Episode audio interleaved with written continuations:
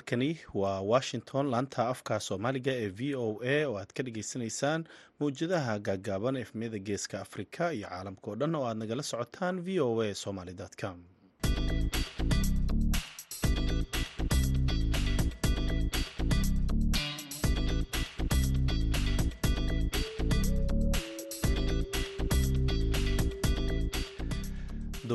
wanaagsan dhegaystayaal waa maalin isniin ah laba-iyo tobanka bisha disembar sanadka labaatanka.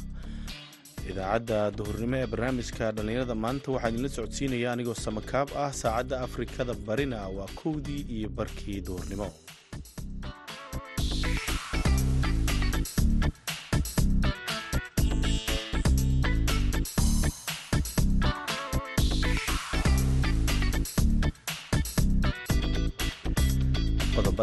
dhagaysan doontaan idaacaddeenna duhurnimo. Waxaa ka mida magaalada boosaaso oo lagu qabtay munaasabad lagu maamuusayay arday baratay culuum kala duwan. Infrastructureki waxba iskama bedelin ekonomigii waxba iskama bedelin caafimaadkii waxba iskama bedelin waxay wax iska bedeleen male dadkii waxaad dareemaysaa warqadihii unbay badsadeen laakiin waddankii isbeddel kuma iman.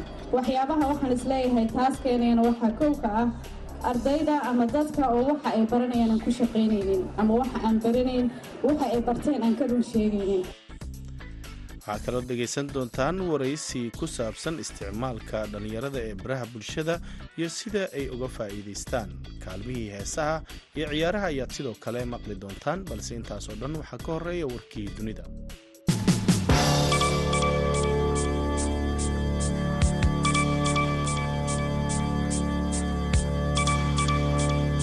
dowladda iiraan ayaa xukun dil ah ku fulisay mudaharaadihii labaad isniinta maanta ah kadib markii ay sheegtay in lagu helay dembi ah inuu mindi ku dilay laba ka mida ciidamada ammaanka islamarkaana uu afar kale ku dhaawacay magaalada mashaad majarisa ranavad oo da-diisa aan la faahfaahinin ayaa la xiray sagaal iyo tobankii nofembar waxaana lagu xukumay dil toogasho ah kadib markii lagu eedeeyey inuu la dagaalamay ama ka horyimid dowladda taas oo maxkamadda sarena ay go'aamisay. Dacwadda iyo go'aanka deg dega ee garsooraha ayaa ka nixiyey mucaaradka iyadoo uu kordhay walaaca laga qabo in maxaabiis badan oo dibadbaxayaasha ka mid a ay ciqaab dil ah wajahaan barnaamijyada rabshadaha wata ee ka dhacay guud ahaan jamhuuriyadda islaamiga ee iiraan ayaa soo bilowday bartamihii bishii sebtembar kadib markii xabsiga ay ku dhimatay mehsa amini oo labayabaatan jir ahayd taas oo xijaab la'aan ay u xireen booliska anshaxa. Iiraan ayaa sidoo kale xukun dil ah ku fulisay muxsin shikiri oo saddexilabaatan jir ahaa kaas oo ay sheegtay inay ku heshay dembi iyadoo ugu yaraan toban kale oo mudaaharaadayaasha ka midana ay dil sugayaal yihiin banaanbaxayaasha iiraan oo u badan dhalinyaro da-yar ayaa sheegay inaysan joojin doonin mudaaharaadyada tan iyo inta ay meesha ka saarayaan xukunka kacanka islaamiga oo dictaator ay ku sheegeen ee iiraan oo dalkaasi soo maamulaya afartan sano wasiirada arrimaha dibadda ee dalalka ku jira midooda yurub ayaa kulankooda isniinta maanta kaga arrinsanaya cunaqabteyn cusub oo ay sheegeen inay ku soo rogayaan ruushka iyo kaalmo maaliyadeed oo ay u fidinayaan militariga ukrein iyadoo maraykankana uu dhinaciisa ballan qaaday inuu sii wadayo taageerada joogtada ah ee ukrein oo la tacaalaysa duqeymaha diyaaradaha ruushka ay ku beegsanayaan kaabayaasheeda dhaqaalaha xirmada midooda yurub ay kaga doodayaan magaalada brazelis ayaa ka badan laba bilyan oo dollar oo kaalmo militari ah midooda yurub ayaa horey ruushka ugu soo rogay sideed wareeg oo cunaqabatayn ah oo ku bartilmaameedsaday maalqabeeno ruush ah iyo warshado taasoo ay kaga jawaabayeen duulaanka moscow ay bishii februaayo ku qaaday ukrein cunaqabatayntan sagaalaad ayaa lagu soo rogi doonaa mas'uuliyiin ka tirsan dowladda ruushka iyo kaabayaasha difaaca iyo shirkado iyo bangiyo ruush ah. Dhegeystayaal warkeenii dunidana waa nageynta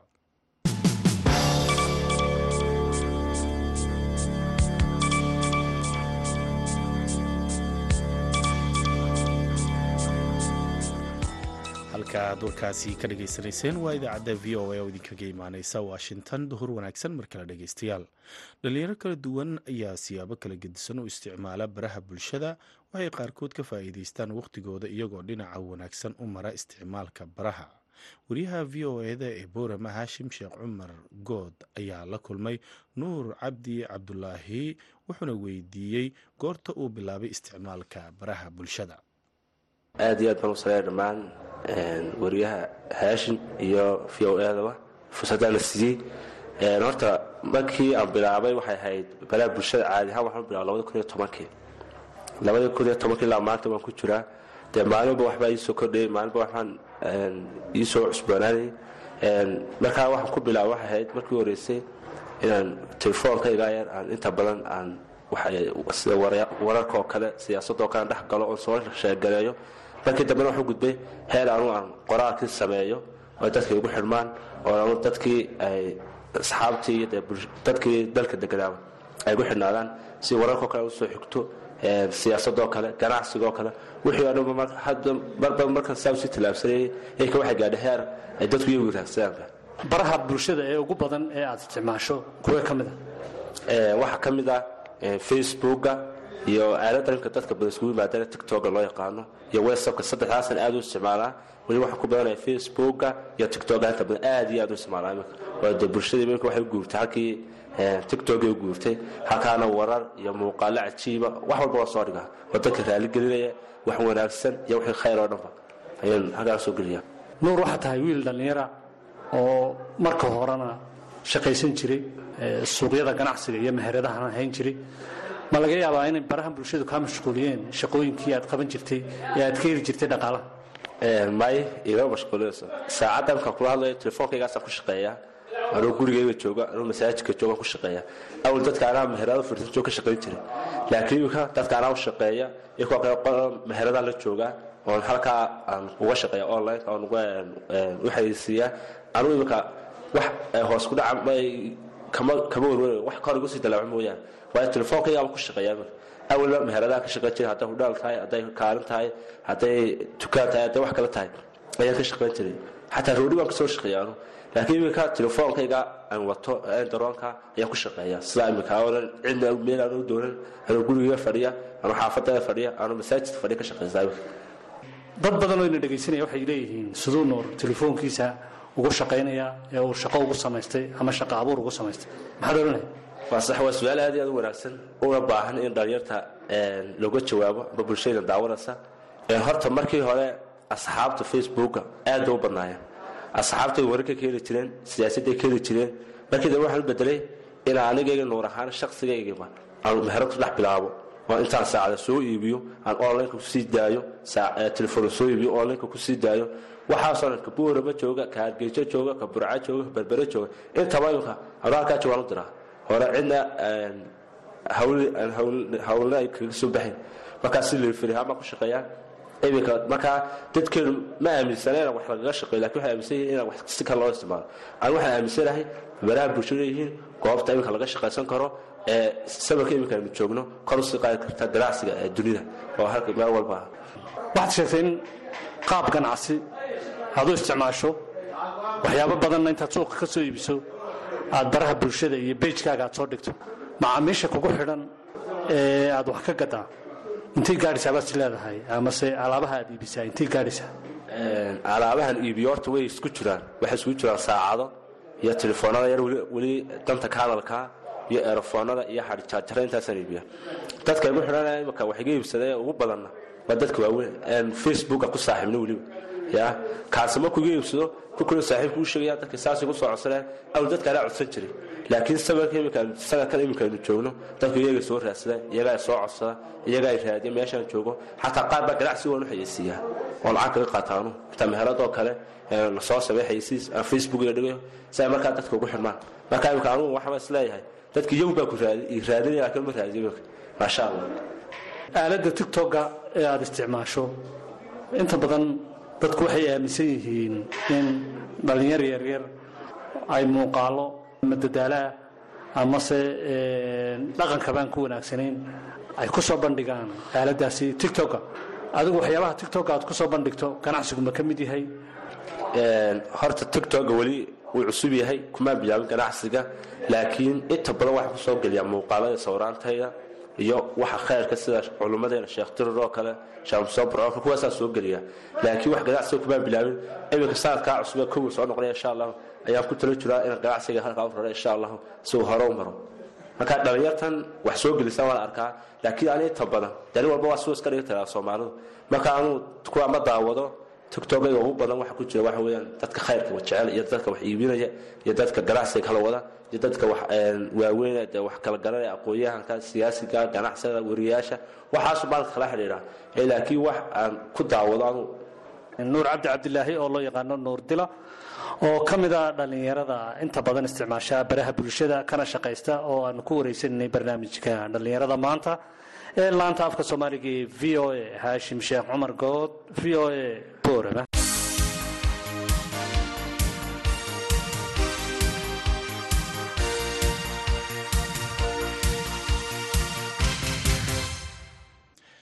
magaalada boosaaso waxaa ku qalinjabiyey afar boqol oo dhalinyaro ah oo ka mid a ardayda jaamacadda boosaaso ee dhammaysatay waxbarashada heerka koowaad. Dhalinyarada ayaa loogu baaqay inay la yimaadaan hal abuur shaqo iyo inay aqoontooda ugu shaqeeyaan dad dalka. Munaasabadda oo ka dhacday xarunta jaamacadda ayaa waxaa ka qayb galay mas'uuliyiin ka socday puntland iyo waalidiinta. Yuusuf maxamuud yuusuf ayaa warbixintan noo soo diray munaasabadan oo ahayd mid ay ku qalinjebinayeen in ku dhow afar boqol oo dhallinyaro oo isugu jiray wiilal iyo gabdho. Ayaa dhammaystay waxbarashadooda jaamacadeed ee kulliyadaha kala duwan ee lagu dhigto jaamacadda boosaaso faraceeda gobolka bari. Munaasabadan ayaa waxaa ka qayb galay mas'uuliyiin ka socday maamulka puntland waalidiin iyo maamulayaasha xarumaha kale ee waxbarashada. Inta ay socotay xafladan loo sameeyey ardada qalin jebisay ayaa dadka ka hadlay waxa ay ku dheeraadeen muhiimadda ay leedahay waxbarashada iyo weliba in dhallinyarada dhammaystay waxbarashadooda heerka bajulaarka inaysan halkaasi uga harin. Halka docda kale dhallinyarada loogu baaqay inay la yimaadaan fursado ganacsi iyo hal abuur. Waxaana puntland docdeeda loogu baaqay in dhallinyaradan ay siiyaan fursad ay dalkooda ugu shaqeeyaan. Maxamuud sheekh cismaan diyeesha guddoomiyaha guud ee jaamacadda boosaaso ayaa la dardaarmay dhallinyaradan isagoona u soo jeediyey in aqoontooda ay uga faa'iideeyaan dadka.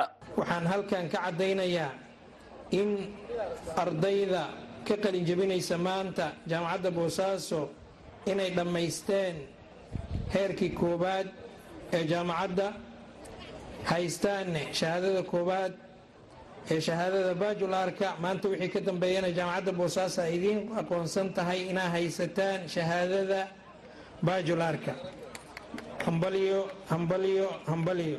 Aad yaan ugu wada faraxsannahay waxaan rabaa inaan xasuusiyo oo keliya ardayda qalinjabinayso in ay sugayso mas'uuliyad xooggan in ay idin sugayso xil ummaddan inaa u qabataan ay muhiim tahay inuu idin sugayo waddan idinkaa u dhalateen qof kalena uunan u maqnayn. In ay idin sugayaan waalidiin wakhti dheer idinku soo tacbay. Inay idin sugayaan inay idin sugayaan waddan khayraad fara badan leh in laydinkaga baahan yahay. Marka hore inaad buuxisaan kaalinta ummadda ay idinka sugayso.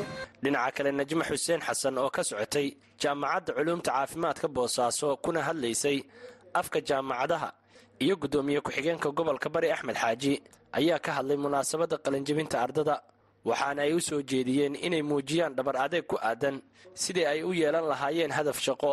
Infrastructureki waxba iskama bedelin ekonomigii waxba iskama bedelin caafimaadkii waxba iskama bedelin waxay wax iska bedeleen male dadkii waxaad dareemaysaa warqadihii unbay badsadeen laakiin waddankii isbeddel kuma iman.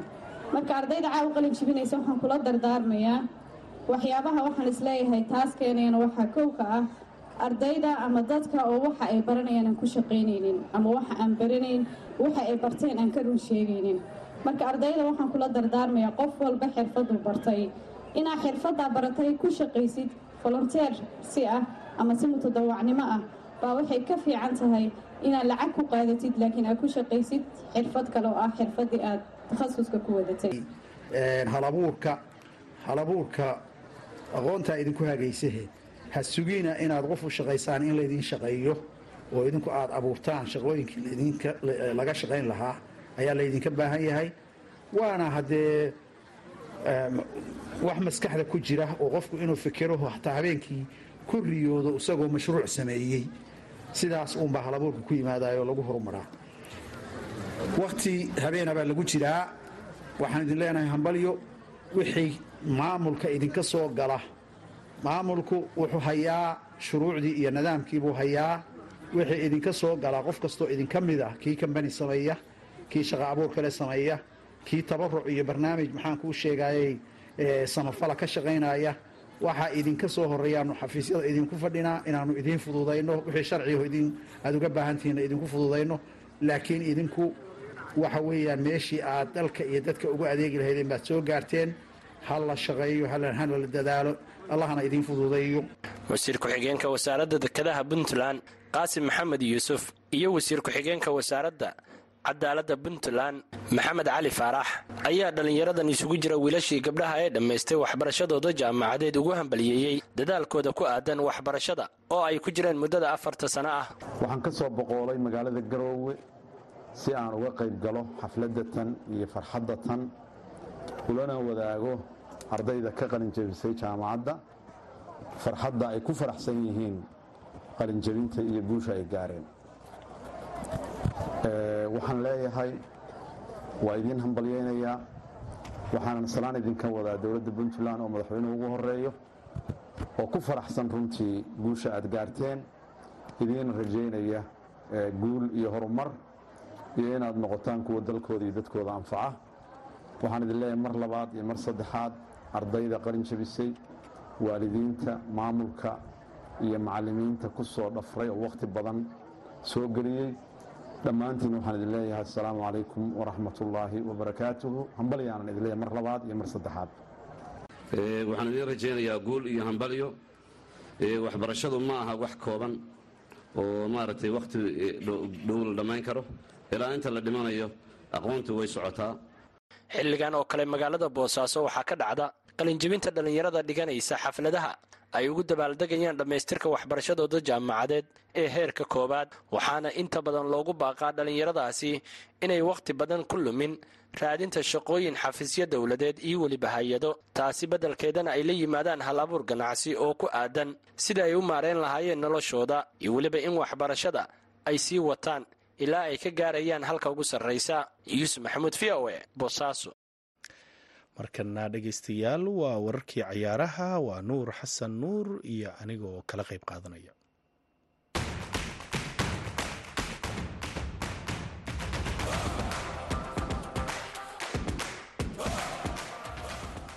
Kadib laba maalin oo nasiino ahayd ayaa beri oo talaado ah iyo maalinta xigta ee arbacada dib loo ambaqaadi doonaa ciyaaraha koobka adduunka ee oo hadda maraya wareegga semifinalka talaadada argentina ayaa garoonka lusayl ee magaalada dooxa kula ciyaari doonta dhigooda koroweshiya laakiin ciyaarta iyo dunida oo idil isha ku hayso oo ayba suurtagal tahay in taariikh la yaab leh ay ka soo baxdo ayaa arbacada garoonka albeyt ku dhex mari doonta morocco iyo faransiiska. Morocco taariikh cusub ayay ka qortay koobka adduunka ee sanadkan kadib markii ay noqotay xulkii ugu horreeyay ee ka socda afrika iyo carabta ee gaara wareegga afarta taariikhdaasi ayaan goordhoweyd kala sheekaystay. Taariikhdaas ayaan goordhoweyd kala sheekaystay wariyaha v o e cabdulqaadir samakaab oo washington jooga. Waa mahadsantaha nuur waxaasoo dhan intaanan u gelin horta kooxda qaranka morocco waxay matalaysay qaaradda africa dunida carabta iyo muslimiinta ciyaaraha xiiseeya. Marka waxaa la dhihi karay waa xulka yani taageeraha ugu badan ku haysto tartanka ku soo haray maadaama dal carbeed lagu qabanayo dalkaasina uu yahay dal muslina marka morocco meel aan laga filayn ayay ka soo baxday. Waxaana laga yaabaa inay ku socoto meel aan laga filayn. Mar kasta dadka ayaa dhayalsanayay laakiin dadka qaar ma oga sanadkan sida ay u diyaar garoobeen. Ciyaartoyda kooxda morocco badankood ama boqolkiiba sagaashan iyo shan waa ciyaartoy ku dhalatay kuna barbaartay qaaradda yurub. Kooxaha yurub ay u wada ciyaaraan badankood haddii ay noqon lahayd horyaalka faransiiska belgiumka holland iyo spain. Marka waxaa la dhihi karaa kooxdan kama dhicin kooxihii yurub. Waa koox qaaradda africa ka dhisan ama dal ku yaalla laakiin sida eurubian ku ciyaarayo waxaana ku ammaanan tababaraha walid regrago oo isagana wakti muddo yar oo gaaban ay ku magacaabeen oo isagana tababare runtii aada xirfad sare u haysta ah. Tababaraha kaa dhexgalo tababaraha waa u soo laaban doonaa laakiin ciyaartooyda xulka qaranka ee morocco sida aadba xustayba intooda badan yurub ayay ka ciyaaraan waaba ay ku dhasheen maadaama jaaliyadda ugu badan ee morocco ee dibadda ay ku nool yihiin belgium faransiiska iyo holland. Waxaan ka soo qaadan karnaa ciyaartooydaasi kuwii xalay ciyaarayay intooda badan. Waxaa ka mid ah ciisadiin unaaxi iyo sufyaan aan irahde sufyaan bufal kooxda onjo ee faransiiska ayay u ciyaaraan labaduba waxay ku dhasheen france. Salim amalla wuxuu ugu ciyaaraa kooxda standard league. Belgiumku ku dhashay. Waxaa ka mid ah ashraf xakimi oo madrid ku dhashay. Oo isagana oo aada uga dhex muuqda runtii oo isagana ku dhashay la dhihi karaba dalka netherland iskana diiday inuu u ciyaaraba ama uu ku biiro markii uu yaraa xitaa dalkaas. Aada iyo aad. Marka jawaad alyaqiim real vayadood ayuu u ciyaaray yaasiin bono bortieriga ama goolhayaha iyo ciyaaryahankii goolka dhaliyey xalay yuusuf annasiri labaduba kooxda sevilla ee dalka spain ayay u ciyaaraan gorgorka ha. Waayahay marka ma la dhihi karaa koobka ay ku guuleysan karaan? In koobka way ku guuleysan karaan la dhaho nuuro waa xilli hore. Laakiin kooxdan wax walba ayaa laga fili karaa waaba u soo carfaya ayaa la dhihi karaa. Hal ciyaar ayaa ka xigta inay finalka tagaan. Marka dad badan ayaa yaraysanayay morocco. Run ahaantii dadka qaar waxaa laga yaaba inay is yidhaahdaan faransa uma babac dhigi karto. Laakiin aan kuu sheego xulalka spain iyo portugal oo aan yani la yaraysan karin oo ka mid ah xulalka ugu waaweyn yurub ciyaartooyda ugu fiican qaab ciyaareed fiican ku jira kooxaha ugu waaweyn yurub ay xidigahooda ku tirsan yihiin ay soo reebeen marka ilaa iyo hadda waxaa la dhihi karaa xulka yani wadamo ad adag la ciyaara ilaa iyo hadda waa morocco. Markaa fiirisid faransa tijaabadiisii waxay ahayd ciyaarta ingiriiska argentine oo kale wada ilaa iyo hadda yani. Weliba gool lagama dhalin gool toos ah lagama dhalin ilaa iyo hadda. Marka laga reebo hal gool oo ay iyaga iska dhaliyeen ciyaartii canada ay labadii hal uga badiyeen. Weliba kalsoonida ay ku dheelayaan ayaa cajiib ah inay kubadda haysanayaan inaysan u muuqanin xul afrikaan ah inaysan ku jirin kalsooni yari aad ay isugu kalsoon yihiin. Tababarahoodana runtii mar kasta yani tacticada uu ku soo galayo ciyaarba ciyaarta ka dambeysa way ka duwan tahay oo waxaa ku adag tababarayaasha kale inay akriyaan ama ay wax un kaga soo talagalaan waa tababara weliid reegraagu weliba waxyaabaha aniga cajibiye aan la yaaba waxaa ka mid ah in ciyaaryahan kasta uu u keeno hooyada dhashay hooyadiis. Xiriirka kubadda cagta ee morocco ayuu weliba arrintaas ka codsaday. Waana loo sameeyey oo ciyaartoyda morocco dhammaantood waxaa garoonka jooga hooyooyinkooda. Ciyaaryahan walba hooyadiis ayaa garoonka joogta. Marka taas naftigeeda ayaa waxaa la dhihi karaa waxaa ku hoos duugan inuu kuleeyahay ciyaartoyda isku muuji hooyada oo ku daawanaysa. Marka taas naftigeeda enerji badan iyo dadaal iyo dagaal hor lay sii gelinaysaa isagoo dalkiisa u ciyaaraya haddana doonaya hooyadiisa inuu u muujiyo in wiilkeeda uu yahay geesi aysan ku khasaarin oo dhibaato badan maadaama ay ka soo martay koriimadooda sida ashraf xakiimi oo kale inay muujiyaan dadaalkii la soo geliyey inay ku soo bandhigaan dhacdada ugu weyn ee kubadda cagta dunida. Xubinta ciyaarahana dhegaystayaal waa naga intaa waa aniga oo ah nuur xasan iyo cabdulqaadir samakaab oo idinleh sidaa iyo nabadgelyo